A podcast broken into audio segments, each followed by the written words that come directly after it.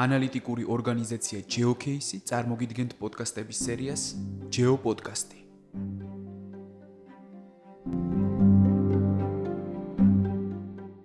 მოგესალმებით. თქვენ უსმენთ GeoPodcast-ს, მე მისი წამყვანი ბაჩო თორთლაძე. დღევანდელი ჩვენი საუბრის თემა იქნება COVID-ი და მასთან დაკავშირებული სამედიცინო საკითხები. დღევანდელი გადაცემის სტუმარია თბილისის სახელმწიფო სამედიცინო უნივერსიტეტის ასოცირებული პროფესორი, მედიცინის დოქტორი და ანალიტიკური ორგანიზაცია GeoCase-ის მკვლევარი ზვიად კითხავა.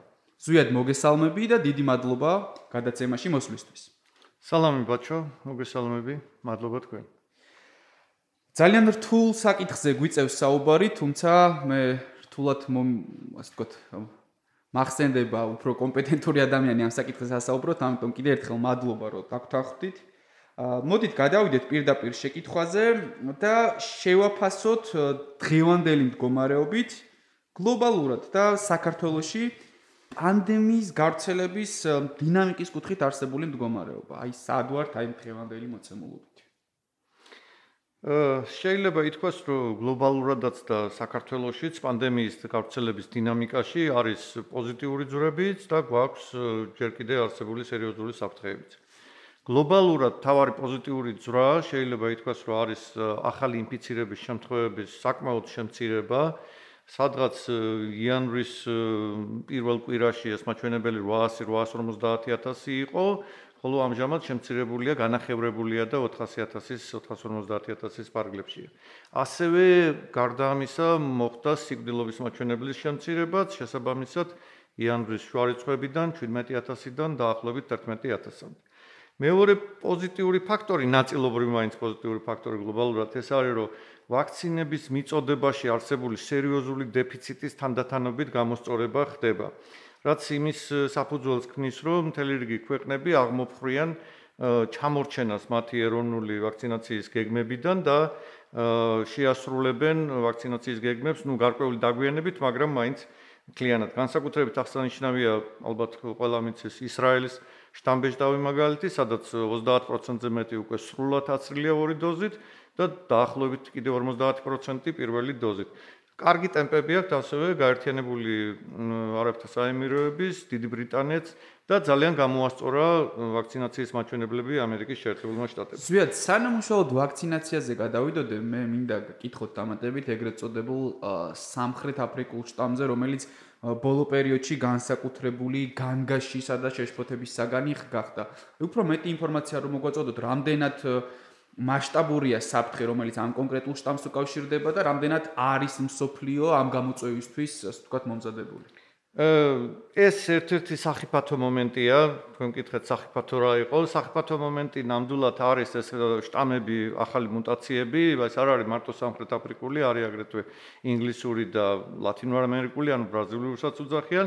და მათი განსაკუთრებით საფრთხეს უკავშირდება იმას, რომ მათი გავრცელების მაჩვენებელი უფრო მაღალია, ხოლო სამხრეთ აფრიკულთან დაკავშირებით შეიძლება სიკვდილობის მაჩვენებელიც იყოს ცოტა უფრო მაღალი. ამიტომ არსებობს ორი საფრთხე, ერთი გავრცელების ტემპები ისევ დაბრუნდეს მაღალ ნიშნულზე და მეორე არ არის გამორიცხული, რომ ამ მუტაციებმა გარკვეულწილად შეამციროს ვაქცინების ეფექტურობა, რაც არის კიდეც დაფიქსირებული რამდენიმე ვაქცინის მიმართ, რომ თუ მათი ეფექტურობა სადღაც 70-85%-ია სხვა კლასიკური შტამის მიმართ, ამ შემთხვევაში შეიძლება 57-60% იყოს. გარდა ამისა, სოფლიოში ჯერ კიდე სერიოზულ გლობალურ პრობლემას რჩება ვაქცინების არათანაბარი განაწილება, მდიდარ ქვეყნებს გადაძღვეული აქვს თავისი მოსახლეობა, ხოლო ღარიბ ქვეყნებს ჯერ კიდე არ დაუწყიათ და შეიძლება ვერ შეასრულონ მათი გეგმები. ნუ საქართველოს შემთხვევაში ისევ როგორც გლობალურად პოზიტიურია ეპიდემიოლოგიური მდგომარეობა, რომელიც მნიშვნელოვნად გამოსწორდა და შეიძლება ითქვას, რომ ახალი შემთხვევების რაოდენობა შემცირებულია დაახლოებით 8ჯერ დეკემბრის შუა რიცხვებთან შედარებით, როცა პიკი ჰქონდა და სიკვდილობის მაჩვენებელიც 5-6ჯერ. პოზიტიური ტესტების წილიც, რაც განსაკუთრებით იწევდა შეშფოთებას 20-25% იყო, ეხლა უკვე 3%-ზეა შემცირებული ეს პოზიტიური მდგენელია, ასე ვთქვათ. და მალე დაიწყება ვაქცინების შემოტანაც, ალბათ თებერვლის ბოლოში უკვე Pfizer-ის პირველი პარტია იქნება შემოტანილი, თუმცა ის მოცულობა, რაც საქართველოს ჭირდება, ჯერ კიდევ გარანტირებული არ არის და საბოლოოდ გარკვეული არ არის, რომელი ტიპის რა, რომელი ვაქცინები შემოვა, როგორი იქნება ლოჯისტიკური, თქვათ, მათი პრობლემები. ამ ხრივაც არის გარკვეული იმედები იმასთან დაკავშირებით რომ ახლოეს ხანებში ველოდებით რამდენიმე 2-3 ახალი ვაქცინის რეგისტრირებას როგორც ამერიკაში FDA-ის მიერ ასევე ევროპული წამლების სააგენტოს მიერ. ეს არის Johnson & Johnson-ის და ასევე Novavax-ის ვაქცინები. შეიძლება ისიც იყოს პოზიტიური ფაქტორი რომ იმის კვალობაზე როდესაც ზაფხულში მთელი რიგი ქვეყნები, ну, ისრაელი შეიძლება უკვე მარტში და ზაფხულში სხვა ქვეყნები, გერმანია, ამერიკის შეერთებული შტატები თავის მოსახლეობის ვაქცინაციას დაასრულებენ, მათ საკმაოდ დიდი მარაგი რჩებათ ამ რეზერვის ვაქცინების, რომელთა განაწილებას ისინი აპირებენ უფრო დაბალი და საშუალო შემოსავლიანი ქვეყნებისთვის და ეს გარკვეული იმედებს გვაძლევს, ისე როგორც მიმდინარე მოლაპარაკებების სხვადასხვა მწარმოებლებთან. და საფათოა ასევე ჩვენთან ის რომ არ გამეორდეს ის რაც მოგვივიდა ზაფხულში, ეგრეთ წოდებული COVID გადაღლის ეფექტი, როდესაც მოსახლეობამ ჩათვალა რომ კორონავირუსის პანდემია უკვე დამარცხებული იყო, მოვეშვით, დავანებოთ თავი რეგულაციების დაცვას და ამან საკმაოდ ცუდი შედეგები მოგვიტანა შემოდგომის მეორე ტალღის ხრივ. ასევე შეიძლება იყოს კიდევ ერთი საფრთხე, არ დამალავ, რაც ეს არის პოლიტიკური პროცესის აქტივაცია და პოლარიზაციის გამწვავება, რამაც შეიძლება ასევე უარყოფითი გავლენა იქონიოს პანდემიის მიმდინარეობაზე. სვიად, ჩვენ როდესაც საუბრობთ COVID-ზე, ბუნებრივია ვერავწდებით იმ შეზღუდვებს, რომლებიც დაწესებულია არა მხოლოდ საქართველოში, არამედ სოფლიოს ბევრ ქვეყანაში. თუმცა ალბათ დამეთანხმები, რომ შეზღუდვების სპეციფიკა, რომელიც უკავშირდება გადაადგილებაზე და ცალკეული ეკონომიკური საქმიანობის განხორციელებაზე, დაწესებულ შეზღუდვებს არის განსხვავებული პატარა ქვეყნებში. ვინაიდან მოქმედების ეფექტი არის აბსოლუტურად სხვა. შესაბამისად, აი სწორედ ამ ნაწილში მაინტერესებს, რომ აი მობილობის შემცირების მიზნით მცირე ზომის ქვეყნებში რამდენად მართებულია ხანგრძლივი ლოკდაუნის მსგავსი შეზღუდვების დაწესება და რამდენად აქვს ქვეყანას ამისი რესურსი თუ ფუფუნება. უნდა ვაღიაროთ, რომ ვაქცინების არარსებობის პირობებში მობილობის შეზღუდვა, გარკვეული შეზღუდვების დაწესება, ეს იქნება სამსახურების, სკოლების დახურვა, შეზღუდვები გადაადგილებაზე ქვეყნის შიგნით თუ საქალაქო ტრანსპორტში, ეს შეიძლება ითქვას, რომ თითქმის იძულებული ვარ თითქმის ყოველთვის გამოვიყენოთ გარკვეული ვადებით და გარკვეული ინდიკატორების მიხედვით. იმიტომ რომ სხვა რეალური მექანიზმი, ვთქვათ, ინფექციის გავრცელების ინფექციის გავრცელების კონტროლის სამწუხაროდ ვაქცინის არარსებობის პირობებში არ აქვს. მთელი რიგი სტატიები მიეძღვნა ამ მეთოდების, მათ უძახიან არაფარმაცევტული ჩარევების მეთოდებს. ეფექტურობას და აღმოჩნდა რომ ისინი საკმაოდ ეფექტურია. საკმაოდ ეფექტურია, თუმცა როგორც თქვენ აღნიშნეთ, საკმაოდ ძიმე დარტყმას აყენებს ეკონომიკას. ამიტომ აქ არსებობს მხოლოდ ერთი ტიპის მიდგომა, რაც ყოველთვის უნდა იყოს გამოყენებული, რომ უნდა იყოს შესწავლილი ეპიდემიოლოგიური მაჩვენებლები, ობიექტური ის ინდიკატორები, რაც თქვით, გავრცელების, სიკვდილობის, პოზიტიური ტესტების ინდექსი ასე შემდეგ მუდმივად უნდა მოწმდებოდეს და როდესაც ისინი მოგცემ საშუალებას რომ შეზღუდვები მოიხსნას, მაშინვე უნდა იქნას მოხსნილი ან შემცირებული. და უნდა გაგრძელდეს ისევ კონტროლი, რადგან ეს არის სწორედ პრობლემა კორონავირუსის მას ამ ახალ კორონავირუსს ახასიათებს გავრცელების, ანუ ინფექციის რეპროდუცირების უფრო მაღალი მაჩვენებელი ვიდრე სხვა კორონავირუსებს და სწორედ ეს იწევს პრობლემებს, ეს იყო პრობლემა პირველი ტალღის დროს და მეორე ტალღის დროსაც. ამიტომ ჩვენ უნდა ვიცოდეთ, რომ ეს შეზღუდვები გარკვეულწილად აუცილებელია თუნდაც პატარა ქვეყნისათვის, თუმცა გეთანხმებით იმაზე, რომ როდესაც ეკონომიკური მაჩვენებლები და ეკონომიკური რეზერვი იმდენად მაღალი არ არის, რა თქმა უნდა, პატარა ქვეყანას უფრო მეტი პრობლემა აქვს იმასთან დაკავშირებით, რამდენად ხანგრძლივად შეინარჩუნებს ის შეზღუდვა. აი ამ თემასთან დაკავშირებით ისევ რომ გავაგრძელოთ ვინაიდან ერთ-ერთი თავარი წუხილის საგანი დღეს სწორედ ეს შეზღუდვები არის საზოგადოების იმ ნაწილის მხრიდან, რომლებმაც მაგალითად ამ შეზღუდვების ფონზე დაკარგეს სამუშაო ადგილები. ხშირად კრიტიკოსების მხრიდან შეზღუდვების კრიტიკოსებს გულისხმობ მომისმენია არგუმენტი რომ შეზღუდვების პირობებში ასევე ადამიანების სიცოცხლე დგება რისკის ქვეშ, რომელიც პირდაპირი ფორმით იმ სტატისტიკაში ვერ აისახება, რასაც ქვია COVID სიკვდილიანობის სტატისტიკა. შესაბამისად, მათ სწორედ ერთგვარ არგუმენტად მოყავთ კიდეც, რომ ასე ვთქვათ, სასწორის ორპინაზე აბსტრაქტულად ეკონომიკისა და ადამიანების სიცოცხლის შეპირისპირება არ არის მაინც და მაინც მართებული, ვინაიდან მეორე მხრიდანაც ადამიანების სიცოცხლე დგას. ვინაიდან არის ასე ვთქვათ მოსაზრება და კვლევები რომლის მიხედვითაც დაუშვათ კლიენტში და პროდუქტის მაჩვენებლის მნიშვნელოვანი დაცემა შემდგომში უკვე აისახება მაგალითად სიცოცხლის საშუალო ხანგრძლივობაზე და ეს მცირდება რაც ბუნებრივია ხანგრძლივ მოკლევადაში არის ძლევა ეფექტს თუმცა ხანგრძლივადაში შეიძლება ასე ვთქვათ დამოუკებელი იყოს ქვეყნისთვის. აი როგორ რას უპასუხებდით იმ ადამიანებს, ვისაც აქვს ეს პოზიცია?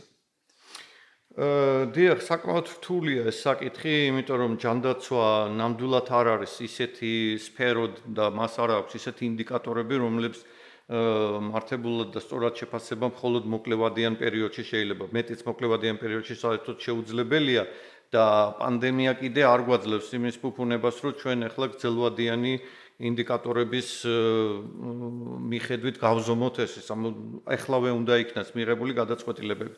არჩევანი ძალიან რთულია, როდესაც არჩევანი დგება სიცოცხლესა, ამჟამად სიცოცხლის გადარჩენასა და მომავალში ჯანმრთელობის შესაძლებლობ გაუარესებას შორის. აბსოლუტურად გეთანხმებით, რომ საბოლოო ჯამში ეკონომიკური ფაქტორების გაუარესება, ეკონომიკური სტაგნაცია ქვეყანას მიიყვანს იქამდე რომ შემოსავლების შემცირდება და ეს შემოსავლებია სწორედ ის, რაცაც ქვეყნების უმრავლესობაში, ყოველ შემთხვევაში ჩვენ არ ქვეყანაში, სადაც სოციალური და ჯანმრთელობის დაცვა ქვეყნის უმთავრეს პრიორიტეტად არის გამოცხადებული, ეს შემოსავლები ვერ აისახება სწორედ საზოგადოებრივ ჯანმრთელობაში ჩასადები ინვესტიციების, ჩასადები პროგრამების დაზღვევების კუთხით. ამიტომ ეს ძალიან მნიშვნელოვანი ფაქტორია, თუმცა ამ ეტაპზე და ამ თელ მსოფლიოში მაინც უპირატესობა ენიჭება და პრიორიტეტად დგება საზოგადოებრივი ჯანმრთელობის ამჟამინდელი გადარჩენა. და სხვათა შორის არა მარტო COVID სიკვდილიანობა, არამედ ეგრეთ წოდებული excess mortality, დამატებითი სიკვდილიანობაც ამ შემთხვევაში შეიძლება უკავშირდებოდეს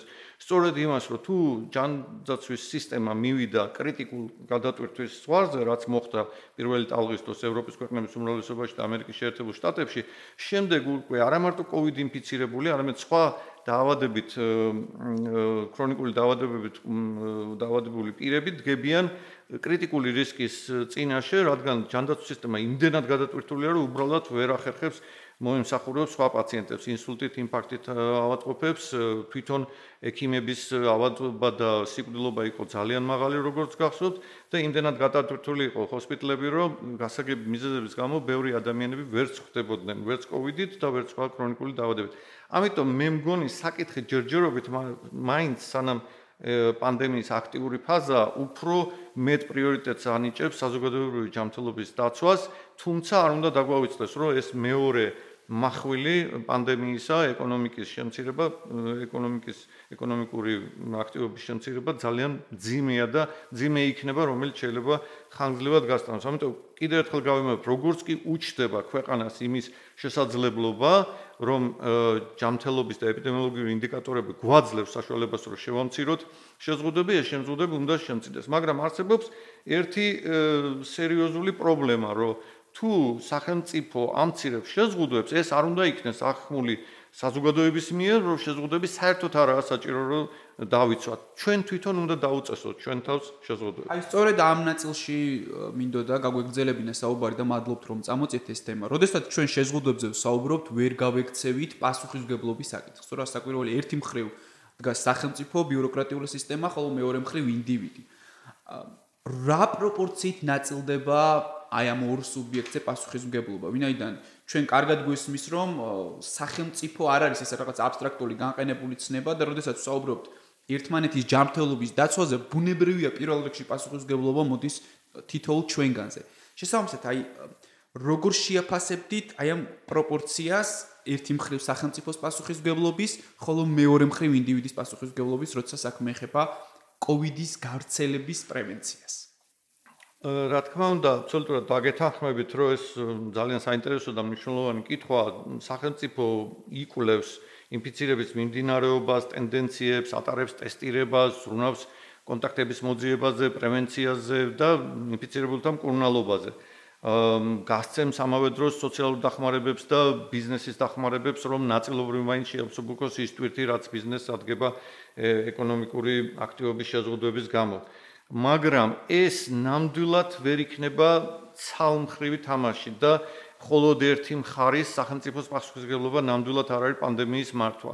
ინდივიდის პასუხისგებლობა არანაკლებია, ვინაიდან ჩვენ ყველანაირად უნდა გავიაზროთ, რომ ჩვენი თანამშრომლობის გარეშე პანდემიის დამარცხება მხოლოდ სახელმწიფოს არ ხელეწიფება და ვერ მოახერხებს ამას, იმიტომ რომ ჩვენ უნდა ვიყოთ მომართული, რომ ყველა ის რეგულაციები, რაც არის დაწესებული, შევასრულოთ პირნათლად და მეტიც, უფრო მეტი გავაკეთოთ, სადაც კი შეგვიძლია ჩვენი წილი პასუხისგებლობა, სოლიდარობა გამოვიჩინოთ. ეს იქნება არა მარტო ვთქვათ რეგულაციების დაცვა და თვით დაწესებაც კი, არის რითაც სხვათა შორის გამოირჩევიან სკანდინავიური ქვეყნები, რომ მათ იქ არ ჭირდება სახელმწიფოს კაცრი რეგულაციების გამოცემა, მოსახლეობა საკმაოდ მომზადებულია იმისთვის, რომ თვითონ იყოს პასუხისგებელი არა მარტო საკუთარ ჯანმრთელობაზე, საზოგადოების ჯანმრთელობაზე. მეორე მაგალითი შეიძლება ავიღოთ აზიის იმ ქვეყნებიდან, სადაც წარე გამოცდილება აქვს მათ სხვა კორონავირუსის და პანდემიური გრიპების ძალიან წავე პანდემიების ბოლო 10 წლებში ან 100 წლების განმავლობაშიც კი სხვა ინფექციების დროს, მაგალითად ჩავიჭირის დროს. ეს საზოგადოებრივი მენტალიტეტი ორივე არის ძალიან დამხმარე, რადგან აი თანამშრომლობის გარეშე სახელმწიფოსა და ინდივიდუებს შორის ვერავითარ შემთხვევაში ვერ მოხდება პანდემიის დამარცხება. და ან ერთ შემთხვევაში აზიურ მოდელებში შეიძლება ჭარბობდეს უფრო ავტორიტარული მიდგომა და უფრო მეტი სიმკაცრე და რეგულაციების წვავეთ დაყენება, ამ თქვათ უფრო ესეთ სამოქალაქო საზოგადო ძლიერი სამოქალაქო საზოგადოების მაგალითზე, როგორც არის სკანდინავიური ქვეყნები, შეიძლება ვნახოთ ის, რომ შეიძლება არ იყოს ძალიან კაცრი რეგულაციები დაწესებული, მაგრამ მოსახლეობა თავად აქტიურად იჩენს აი ამ ნიშნულოვან სამოქალაქო პასუხისგებლობას, რაც პანდემიის დამარცხებისთვის არის საჭირო. არ ვიცი ახლა რამდენად შეიძლება მოვახერხოთ აი ასდაკის ცნობილი სიტყვების პერიფრაზი, შეიძლება პანდემიისთვის ესე იყოს, რომ შეზღუდვები მთავრდება, შეუზღუდველობის გეშინოდეთ ხალხო. როდესაც შეზღუდვები მთავრდება და როდესაც იხსნება ეკონომიკა, სწორედ მაშინ დგება სამწუხაროდ ჩვენ და მოულოდნელად ყველაზე სახიფათო მომენტი, როდესაც ჩვენმა მოდუნებამ, ჩვენმა უპასუხისგებლო საქციელმა შეიძლება გამოიწვიოს ისევ დაბრუნება და ის მწარე მაგალითი რაც შემოდგომის ტალღაზე ჩვენ ვიწვნიეთ, ეს არის 250000-ზე მეტი ინფიცირებული, 3300-ზე მეტი გარდაცვლილი. ეს რა თქმა უნდა არ შეიძლება განვიხილოთ მხოლოდ მოქალაქეების უპასუხისგებლო ქცევის შედეგად, მაგრამ მნიშვნელოვანია ის, რომ ჩვენმა, ასე ვთქვათ, მოდუნებამ, ჩვენმა ზედმეტმა თვითდამშვიდებამ გარკვეულწილად ხელი შეუწყო აი ამ მასობრივი ქორწილების, კელეხების, დაბადების დღეების, შემდეგ ეს გარკვეულწილად კლასტერების აფეთქების შემდეგ შეზღუდვები არ იყო ისეთ კაცრად დაწესებული და ამას ჰქონდა ისევ გავიმეორებ ალბათ პოლიტიკური ფაქტორიც იყო ამაში გარკვეულწილად ჩარეული. ეს დამთავრდა იმით, რომ დროულად ვერ მოახერხეთ მეორე ტალღის ისე კარგად მართვა, როგორც მოხერხდა პირველი ტალღის დროს და ამან საკმაოდ სერიოზული პრობლემების წინაშე დაგვაყენა. მეტიც უარესი პრობლემებიც კი შეიძლება და ყოფილიყო თუ ჯანდაცვის სისტემის გადატვირთვა კრიტიკულს გადასწდებოდა. ზუია ძალიან ძალიან საინტერესო მიმართულებით ავითარებთ საუბარს და მოდი ახლა დაუბრუნდეთ ისე ვაქცინაციის საკითხს, ვინაიდან საბოლოო ჯამში მგონი პანდემიის დასრულების დაწყება დაკავშირებულია სწორედ ვაქცინების ეფექტურ ეფექტიან დისტრიბუციასთან, დროულ წარმოებასთან და როდესაც ვაქცინაზე ვსაუბრობთ, ალბათ პირველი რაც გვახსენდება, ეს არის ეგრეთ წოდებული COVAX პლატფორმა. ბევრი კრიტიკა არსებობს COVAX პლატფორმასთან დაკავშირებით, განსაკუთრებით ტემპებზე, განსაკუთრებით ასევე განაწილების სამართლიანობაზე. ზოგადად როგორ შეაფასებდით COVAX პლატფორმას? რა ძირითადი ხარვეზები გამოიკვეთა და რა მიმართულებით შეიძლება ვიფიქროთ თავშოთ ცვლილებებზე გლობალურად ყველა ერთად. კოვაქს პლატფორმა ძალიან კარგი იდეაა, მაგრამ იგი უკეთ იმუშავებდა ცოტა მეტი დრო ქონოდა მსოფლიოს, რა თქმა უნდა, მოსამზადებლად ამ კონკრეტული პანდემიის სამართავად და უფრო გაცილებით მეტი რესურსი, დაფინანსება განსაკუთრებით უფრო დიდარი ქვეყნების მხრიდან რო ყოფილიყო მნიშვნელოვანი და დროული.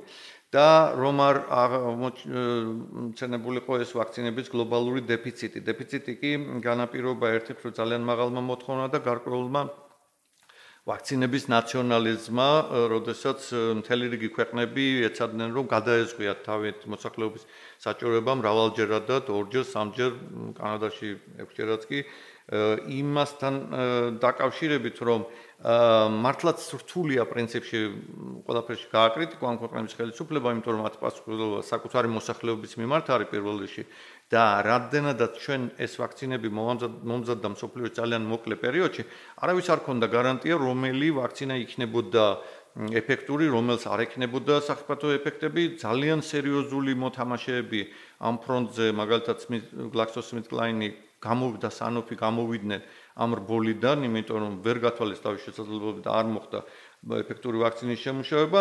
ამიტომ ამ შეფერხებების გამო, რადგან ვაქცინა რთული კომპლექსური პროდუქტია და მის წარმოებას ამდენიმე ასეული კომპონენტი ჭირდება, საკმარისია ერთ-ერთი კომპონენტიც რო შეფერხდეს, მთელი ჯაჭვის გაჭედვა ხდება მომენტალურად. აი ეს მთელი პრობლემები ეხლა მოვიდა იმ წერტილამდე, როდესაც მიუხედავად სიტყვიერი გაცხადებებისა, რომ თანასწორობის და სოლიდარობის პრინციპები უნდა იყოს დაცული, ეს მაინც რეალობაში საკმაოდ ვერ აისახა და კოვიდის პლატფორმას აქვს სერიოზული ჩამორჩენა ვაქცინების შეძენის თვალსაზრისით და მიწოდების თვალსაზრისით, რაც ჯანმოს სერიოზულ შეშფოთებას იწვევს იმ თვალსაზრისით, რომ ზოგიერთ დაბალშემოსავლიან ქვეყნებში ვაქცინაცია შეიძლება ვერც კი დაიწყოს 2021 წელს. და ეს რა თქმა უნდა აქ უკვე მეરે მოდის მეორე ფაქტორი, რომ მიუხედავად იმისა, რომ ქვეყნები ცდილობენ საკუთარი მოსახლეობა დროულად აცრან ბოლომდე, ეს არ იქნება გადარჩენა, გადარჩენა სუფთა მერკანტილური შეხედულებითაც კი ვერ მოხდება, სანამ პანდემია გლობალურად არ დასრულდება, იმიტომ რომ პანდემიის არსებობა ერთ ქვეყანაში ნიშნავს იმას, რომ მეტი შანსია მუტაციური შტამების განვითარებისა, რომლებზეც უკვე ვაქცინა აღარ იქნება ისეთი ეფექტური და შემდეგ ეს ტალღა ისევ ისე დატრიალდება მსოფლიოში, შეიძლება სხვა მიმართულებით, ასე რომ ჯანმოს და კოვაქსის პლატფორმის სურვილი რომ პანდემია დასრულდეს ერთობლივად, ეს არის ძალიან მნიშვნელოვანი და ძალიან ძალიან მნიშვნელოვანი საბოლოო დამარცხებისთვის. სხვანაირად ჩვენ გვექნება მუდმივად ჩაუქრობელი კერები, საიდანაც ახალ-ახალი ტალღები შეიძლება მსოფლიოში გავრცელდეს. ზუსტად ამ კონტექსტში მოდი საქართველოსზე გავაგზავნოთ საუბარი თებერვლის მეორე ნახევარში ველოდებით პირველ პარტიას ვაქცინების ასევე დამტკიცებულია ვაქცინაციის გეგმა მთავრობის მიერ. რამდენად რეალისტურია ეს გეგმა და როგორ ფიქრობთ, დავუშვათ, რა მიმართულებით შეიძლება ველოდოთ შეფერხებებს? მადლობთ. ვაქცინაციის გეგმა საქართველოს მიერ შემოშავებული ზოგადად ითვალისწინებს ზოგადი მსგავსი დასავლური ამერიკული და ევროპული გეგმების საუკეთესო პრაქტიკას. თუმცა გარკვეული პრობლემა არის, რა თქმა უნდა, მოწოდების მასშტაბისა და რეგულარობის კუთხით. Pfizer-ის ის პირველი პარტია, რომელიც თებერვლის მეორე ნახევარში უნდა შემოვიდეს, ძალიან მნიშვნელოვანია, რომ ეს პროცესი დროულად დაიწყოს და დაიწყება ფრონტის ხაზის სამედიცინო პერსონალის აცრით. რამდენადაც Pfizer-ის ვაქცინას აქვს ლოჯისტიკური შეზღუდვები, ეს იქნება კონცენტრირებული სამი ქალაქის 10 საავადმყოფოსა და 5 კლინიკაში და იმედია, რომ დამთავრდება სადღაც 2 კვირის ვადაში. შემდეგ ამისა უკვე იწყება სხვა ვაქცინების შემოტანაც, ეს იქნება პირველ რიგში AstraZeneca, რომლის მოცულობა სადღაც დაახლოებით ალბათ 300.000 დოზით იქნება პირველ ეტაპზე.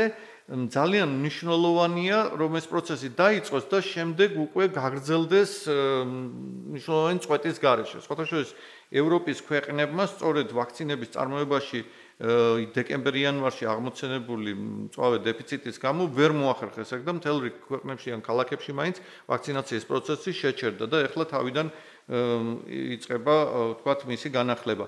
ამიტომ ჩვენ ვფიქრობთ, რომ ძალიან მნიშვნელოვანი იქნება ეხლა ეს გეგმა, რომელიც არსებობს თქვათ საქართველოს მთავრობამ შეიმუშავა, მოხდეს მისი უფრო კონკრეტიკა, კონკრეტული ვაქცინების დაზუსტების კუთხით. ამ ხრივ შეიძლება ითქვას, რომ ეს ნამდვილად არ არის ჩვენი ბრალი ეს რეალობა არის მთელი რიგი სხვა ქვეყნებისთვის, არა მარტო ჩვენარი ქვეყნებისთვის, უფრო მაღალ შემოსავლიანი ქვეყნებისთვისაც, რომ მათაც არ აქვს ბოლომდე გარანტირებული ვაქცინების მოწოდების ტემპები და ზოგიერთ სჭირდება ასევე დაზუსტება იმ ვაქცინის, რომელსაც უფრო ჩათვლის საჭირო. ფიქრობთ, რომ აი ენ ჯონსონის ვაქცინის გამოყენება, რომელიც შეიძლება საერთოდ ერთი დოზაც კი იყოს საკმარისი მყარი იმუნიტეტის შესაქმნელად და მარტში ალბათ ის ვიმე ვიქონიოთ იმედი რომ მიიღებს ევროპის წამლების სააგენტოს განსაკუთრებულ ავტორიზაციას ეს ალბათ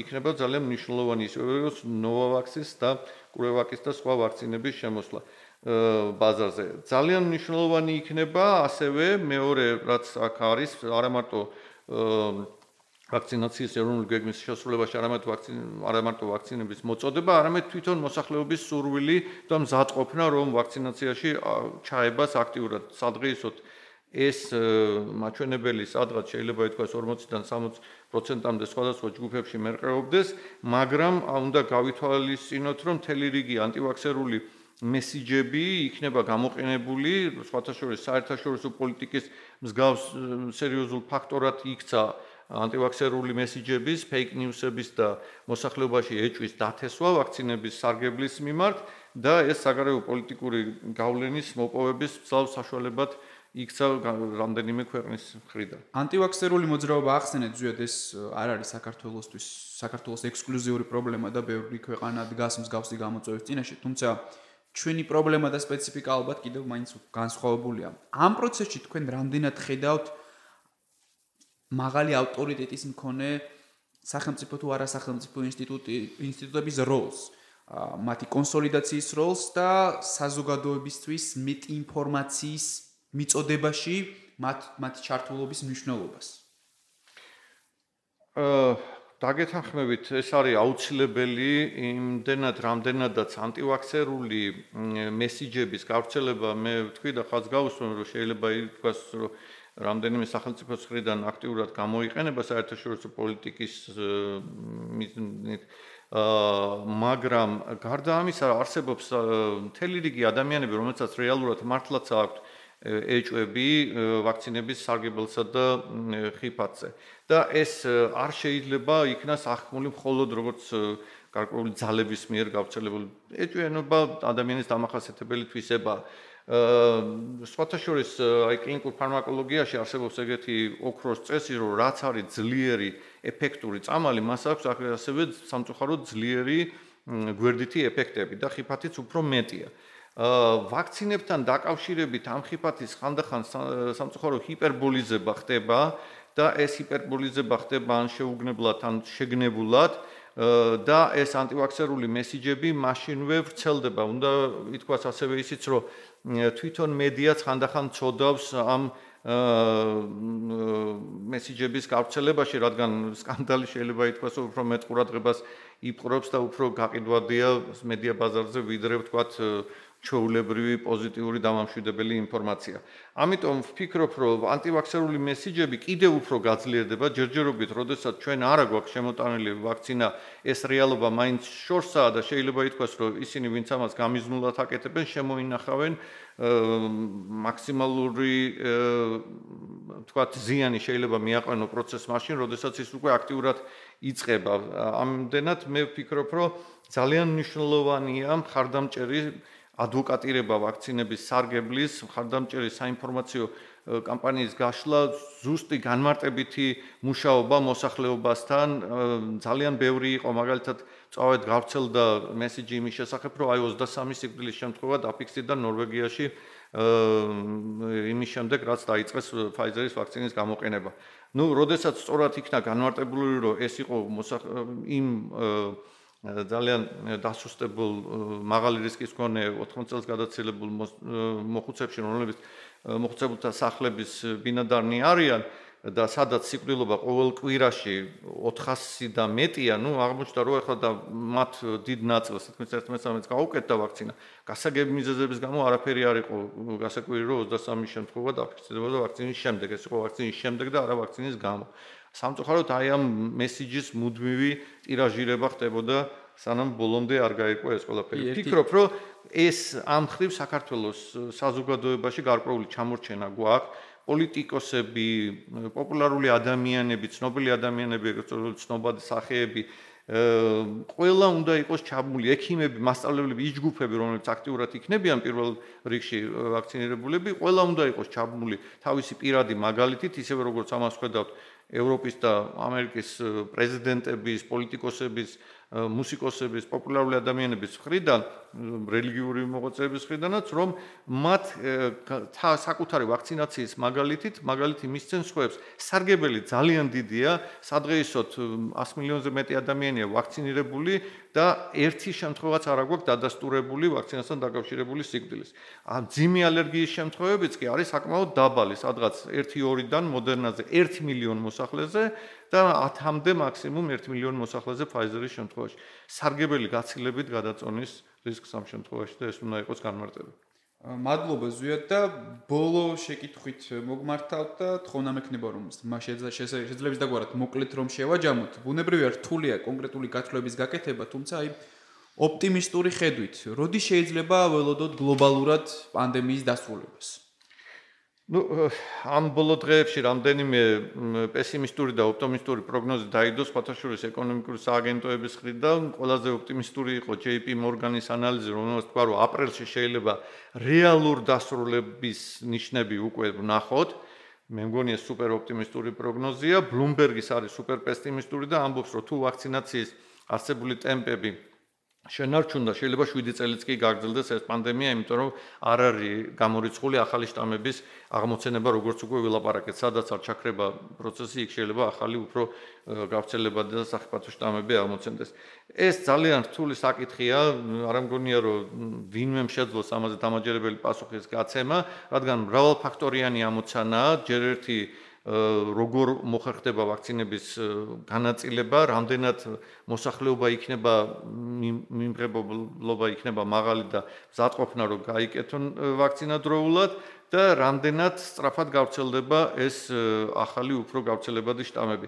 ასე რომ ეს არის მთელი რიგი საკითხები პოლიტიკური ეკონომიკური და აი თანასწორობის და სოლიდარობის საკითხი ძალიან მნიშვნელოვანია ასევე კიდევ ერთხელ ხაზს გაუსმევ საზოგადოების და ხელისუფლების სოლიდარობა, პოლიტიკური ძალების სოლიდარობა. მე იმედი მაქვს, რომ მიუხედავად გარკვეული პოლარიზაციისა და პოლიტიკური პროცესის ხელახალი შესაძლო გამწვავებისა, ამ მნიშვნელოვან საკითხში, როგორიცაა მოსახლეობის ვაქცინაცია და პანდემიის დასრულება, პოლიტიკური ძალები მონახავენ საერთო ენას და შეძლებენ, რომ აქ მიაღწიონ სოლიდარობას, რათა ერთიანი ძალით მოსახლეობას დაარწმუნონ საჭირო ნაბიჯების გადადგმაში.